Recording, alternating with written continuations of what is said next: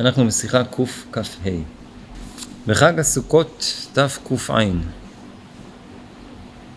אז אמר מניין האתרוג, שלפי בחינת הימים נוראים, ראוי שיהיה לנו אתרוג נאה כמובן לאל. כן, לאל בשיחת פ"ז, אז כתוב שם, שרבי נחמן אומר שכפי הבכיות שבן אדם בוכה בימים נוראים, כך הוא גם זוכה לאתרוג. באמת בחסידי ברסלב היו משתדלים לקנות אתרוג רק אחרי יום כיפור. כי הם אומרים, האתרוג זה לפי הימים נוראים, אז כדאי לחכות. לא להזמין מראש, כי מי יודע, אולי מכוח הימים נוראים נזכה לאתרוג יותר נאה. אז היו מחכים אחרי, אחרי יום כיפור, אז היו קונים אתרוג. אז הוא אומר, באותה שנה לא היו מציעים אתרוגים. והיו העולם סבורים שלא יהיה להם אתרוגים כלל.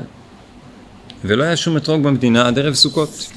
שעשה השם יתברך ניסים וסיבב סיבות בדרך נס, שבאו אתרוגים מקצת עיירות, והיו נותנים אז ממון הרבה בעד אתרוג.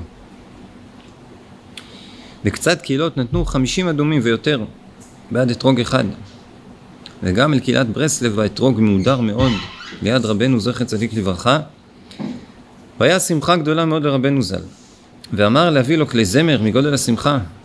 ושלושה ימים רצופים היה לו חיות גדול מן האתרוג. והיה בריא כל אותן השלושה ימים. ולא היה מרגיש כלל החולת הקשה שהיה לו מגודל השמחה שהיה לו מן האתרוג. כן, מדובר פה על שנת תק"ע, זה שנה בדיוק לפני שהוא נפטר. אז הוא כבר היה חולה. היה לו מחלה של אה, שחפת שהיה מקיא דם, מחלה בריאות.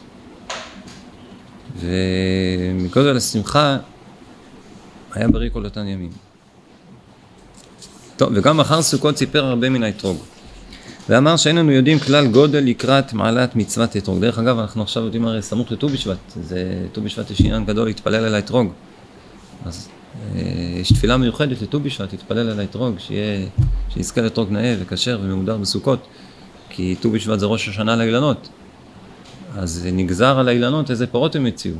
אז זה הזמן להתפלל שיוציאו אתרוגים טובים. אז זה יצא משמיים. ואמר שאין לנו יודעים כלל גודל לקראת מעלת מצוות אתרוג. והרי אנו רואים שישראל מפזרין ממון הרבה בשביל מצווה זו, יותר מעל שאר מצוות. ובוודאי לא על חינם הוא. מסתם המצווה זו יקרה מאוד מאוד, אשר אין לשער. רק שאין אנו יודעים גודל מעלתה. אפשר, אם היו יודעים גודל מעלת מצווה זו, היו עושים מה שהיו עושים בשביל מצווה זו. זאת אומרת, יכול להיות שאם היו יודעים את המעלה, היו עוד משתגעים עוד יותר והיו משלמים סכומים הרבה יותר גדולים. אני פעם, כמה פעמים שמעתי, אם אשתי, אתה יודעת כמה קניתי את. לא רק היא הולכת אותי.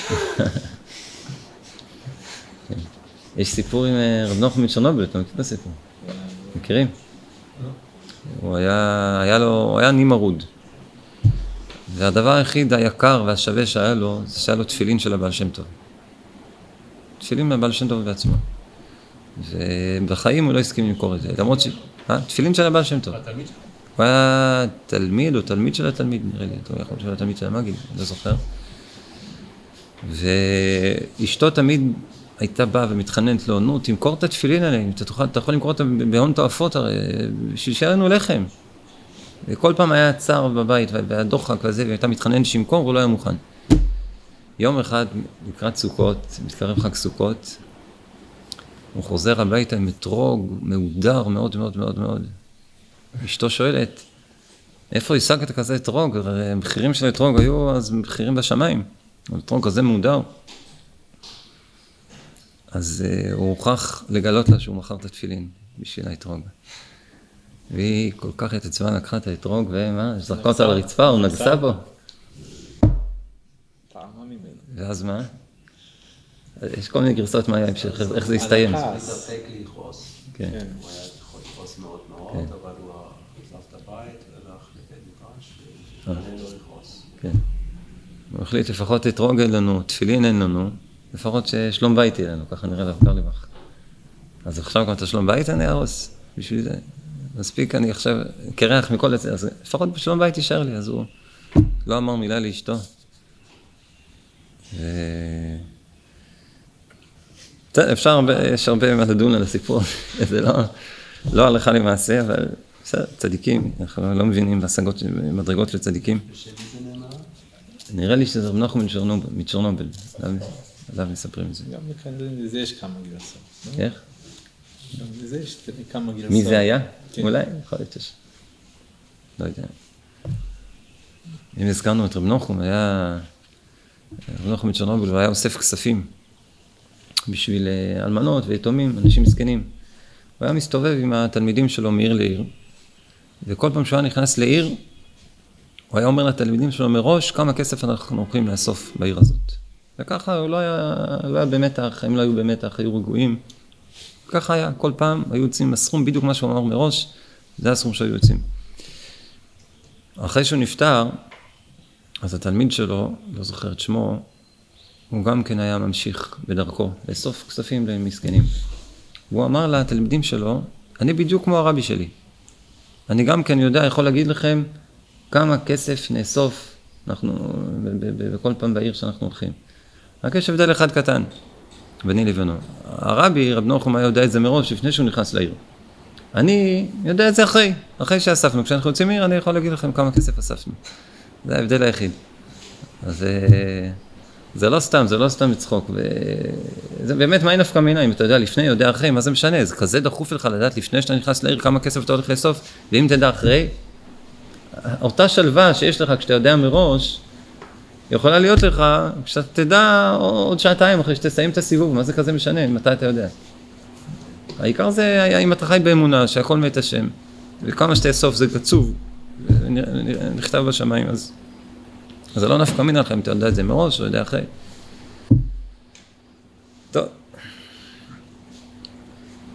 אז הוא אומר, והרי אנו רואים שישראל מפזרים ממון הרבה בשביל מצווה זו, יותר מאשר מצוות, ובוודאי לא על חינם, ומסתם המצווה זו יקרה מאוד מאוד אשר אין לשער.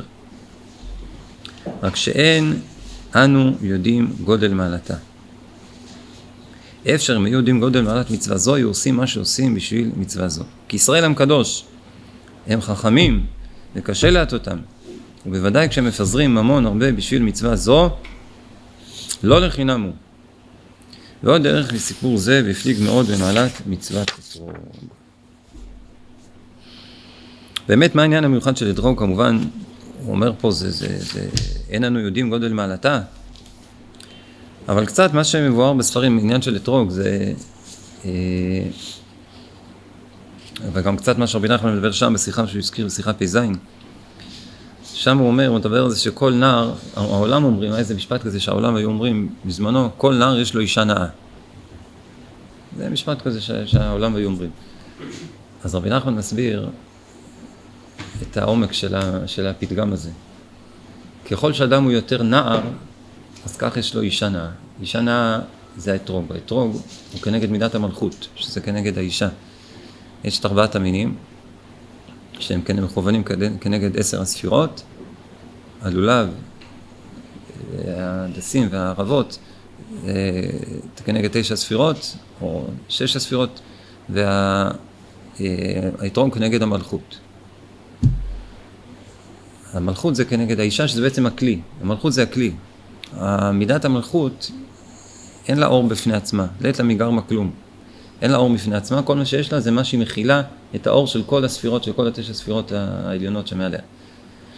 וזה האתרוג. עכשיו, אז, אז הוא אומר ככה, אז כל נער יש לו אישה נאה, כדי שהאישה תהיה נאה, כדי שהאתרוג, כדי שהמלכות תהיה נאה, צריך בשביל זה להיות נער. מה זה נער? נער זה אחד שאין לו שכל. מנוער, נער ראשון מנוער, מנוער משכל.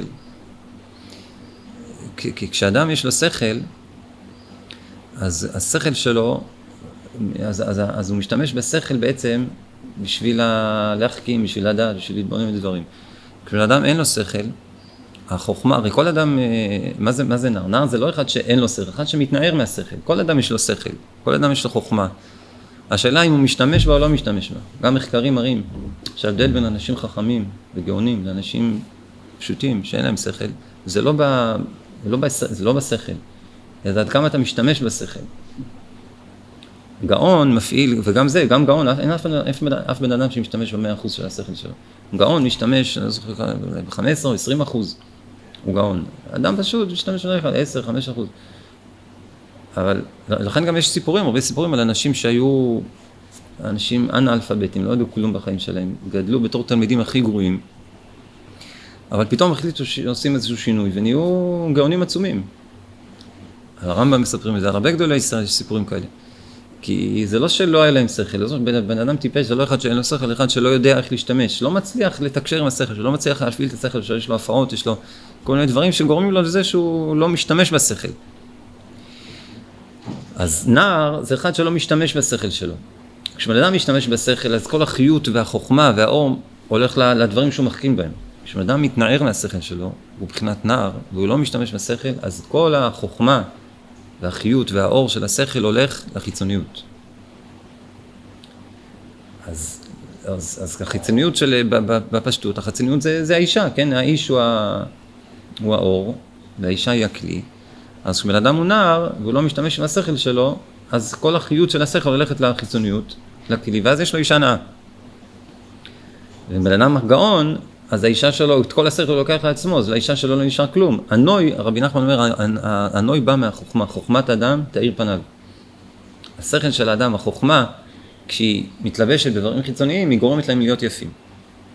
כל, גם היופי, היופי החיצוני, זה נמשך מחיות אלוקית, מאור אלוקי, מחוכמה, מאותיות התורה, שמאירות את, את החיצוניות. אז כשבן אדם את כל התורה ואת כל החוכמה שומר לעצמו, אז לחיצוניות שלו, שזה האישה, שזה הכלי, לא נשאר אה, נוי, לא נשאר אותיות בקושי, אז זה לא, היא לא יפה. אז כשהוא נער, אז הכל הולך, כל החוכמה הולכת לאישה, כן? אז, אז ב, ב, ב, סתם ככה בפשטות כפי שזה, זה לא טוב, בן אדם לא צריך להיות נער. אבל ברוחניות יש בחינה שזה טוב. כשבן אדם הוא נער ברוחניות, הוא, משת... הוא, הוא כמו הנה נער בוכה, הוא נכנס לתוך בחינה של נער בוכה, שזה מה שהוא אומר שכפי הימים הנוראים, כפי הבחיות שיש בימים נוראים, ככה יש גם אתרוג. כשבן אדם נכנס לבחינה של, לבחינה של בחייה, בשביל להיות בוכה, בשביל לבכות צריך להיות נער. בן אדם עם שכל לא יכול לבכות. עם השכל הכל טוב. השכל מסביר לך איך שהכל טוב, הכל מושגח מלמעלה, וכל דבר צריך להיות ככה ולא אחרת, וכל דבר הוא לטובה וכולי. כשבן אדם חושב ככה, הוא לא יכול לבכות. באמת היו צדיקים שלא היו מסוגלים לשבת על הארץ ולהגיד קינות בתשעה באב, לא היו מסוגלים. מרוב שהעיר להם האור של הדעת, שהכל לטובה, לא היו מסוגלים להתאבל. אז כדי, בשביל שבן אדם יוכל לבכות, להיכנס לבחינה של עניין נער בוכה, צריך להשליך את השכל, להתנער מהשכל. ואז, כשהוא נכנס לבחינה של נער בוכה, אז כל האור של השכל, שהוא מתנער ממנו, הולך לחיצוניות, ואז יש לו אתרוג נאה. כשזה בקדושה, אז זה לא מגיע לחיצוניות של אה, נשים ודברים כאלה ושטויות והבלים, אלא זה מגיע לחיצוניות דקדושה, שזה האתרוג, הוא מבטא את החיצוניות דקדושה, לכן האתרוג יש לו עניין כזה שיהיה נאה ומהודר ויפה, עם מראה חיצוני טוב. כי אתרוג זה בעצם החיצוניות בקדושה. אז עד כמה שבן אדם מבחינת נער, בוכה, מתנער מהשכל, אז יש יותר אור של אה, שכל וחוכמה שמגיע לאתרוג, וכך הוא נהיה נאה יותר. אז, אה, אז, אה, אז כנראה יש פה עניין של האנשים באופן טבעי לא, לא נוטים להעריך את החיצוניות. אדם באופן, אדם, אדם שבר דעת, מה הוא מעריך? את הפנימיות, את השכל, את החוכמה. בחיצוניות יש נטייה לזלזל. ואם אנשים היו יודעים את מעלת החיצוניות, עד כמה יש מעלה בחיצוניות, עד כמה דווקא החיצוניות, כשהיא מחוברת אל הפנימיות, מעלתה גדולה מבחינה מסוימת אפילו עוד יותר מאשר הפנימיות, אז הם היו משקיעים בזה הרבה יותר. כל הזלזול בחיצוניות זה כשהחיצוניות מנותקת מהפנימיות, אז באמת אין לה שום משמעות. זה כמו גוף בלי נשמה, אין לזה שום משמעות, שום ערך. אבל כשהחיצוניות מחוברת לפנימיות, הפנימיות מחיה את החיצוניות, החיצוניות יכולה להגיע למעלה יותר גדולה, גדולה אפילו מאשר הפנימיות. ולכן מצד אתרוג, שזה החיצוניות הקדושה, יש לה מעלה כל כך גדולה. היום רציתי יכול שלא להזכיר, היום זה היום. שלום אנשים יקרים. שלום וברכה. גם לחבר שלום. שלום שלום. לא, הוא מתקדם. הכל בסדר. הוא משלנו. הוא לא בן אדם. היום זה היורצת של רב זושה. ב' בשבט. רב זושה מניפולי, זה היום היורצת שלו. זכיתי להיות מצאצאיו. רב זושה היה אומר שאין הרבה מימות מרב זושה. רב זושה לא כתב ספרים, ואין לו כל כך הרבה תלמידים. אז יש כמה ממות, כמה דברים שמופיעים פה ושם בספרי חסידות. אחד הדברים שרב זושה אמר, היה אומר הרבה פעמים, שתשובה זה ראשי תיבות של חמישה פסוקים כל אחד צריך ללכת איתם כל הזמן, לזכור אותם תמיד, לשנן אותם כל הזמן. ת', תשובה, ת' זה אה, תמים תהי עם השם אלוקיך. ש' זה שיוויתי השם לנגדי תמיד. ו' ואהבת לרעך כמוך. ב' בכל דרכיך דאהו. וה' הצנע לכת עם אלוקיך. זה חמישה דברים שבן אדם הולך איתם, הוא יהיה כל ימיו בתשובה. תמים, ללכת עם תמימות. אה, לחשוב על הקדוש ברוך הוא, שיוויתי השם, לחשוב תמיד על הקדוש ברוך הוא. ולאהוב את החברים, לאהוב את עם ישראל. ומה אמרנו?